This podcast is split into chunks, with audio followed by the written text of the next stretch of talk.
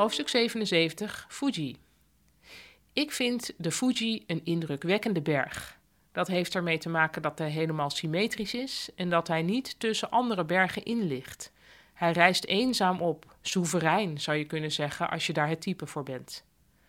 Vanuit de trein van Tokio naar Kyoto zie je de Fuji gewoon liggen en zijn verschijning is altijd een feestelijk moment. Beklommen heb ik hem nooit. Het schijnt een zware beklimming te zijn, vooral omdat die extreem saai is.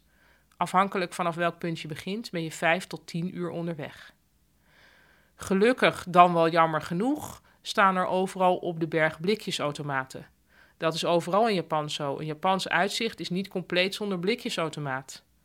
Uit de meeste automaten kun je zowel koude als warme blikjes halen. Een warm blikje, dat vind ik persoonlijk iets heel geruststellends. Op de berg Fuji worden de drankjes duurder naarmate je hoger komt. En dat is logisch, want de bevoorrading is ook lastiger naarmate je hoger komt. Het is lange tijd de diepe wens van veel Japanners geweest om de berg Fuji en het omliggende gebied op de werelderfgoedlijst van UNESCO te krijgen in de categorie natuur. Dat lukte niet omdat er ondanks de heiligheid van de plek toch erg veel afval werd gedumpt. Uiteindelijk is men er in 2013 in geslaagd om de berg toch op de lijst te krijgen, maar dan in de categorie cultuur. Die erfgoedlijst van de UNESCO heeft een speciale aantrekkingskracht op Japanners. Waar Westerlingen het bijzonder vinden om een plek te ontdekken waar niemand, lees een andere toerist, ooit geweest is, zijn veel Japanners juist bezig met het verzamelen van plekken van die werelderfgoedlijst. Ik denk dat ze dat prettig overzichtelijk vinden dat de wereld op deze manier gecategoriseerd is. In theorie is het dus mogelijk om alle mooie plekken op aarde te bezoeken en om klaar te zijn. Ik heb trouwens nu uh, ook al uit een soort uh, Japan-W, denk ik, als je dat zo mag noemen. Um, het beginscherm van mijn telefoon heb ik een foto uh, die ik zelf van de berg Fuji heb gemaakt. Vind ik een heel leuke foto.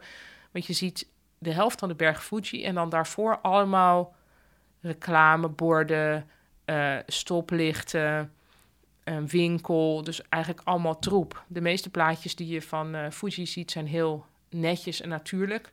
Maar als je in een, uh, een van de dorpen daaromheen naar de Fuji kijkt, dan zie je gewoon ja, allerlei menselijke, menselijke activiteit. Of, of bewijs van menselijk. Nou, jullie begrijpen wat ik bedoel. Goed, en dan nog iets over die blikjes. Het Japanse woord voor blikje is kan, naar het Engelse can. Toch wordt dit woord niet in katakana geschreven, maar met een kanji. Hoe kan dit? Natuurlijk bestonden er in het oude China nog geen blikjes. Maar de Japanners hebben bij de introductie van het conserveblik iets slims gedaan. Ze stoften een karakter voor watervat af dat nauwelijks meer gebruikt werd, maar dat je wel uitsprak als kan.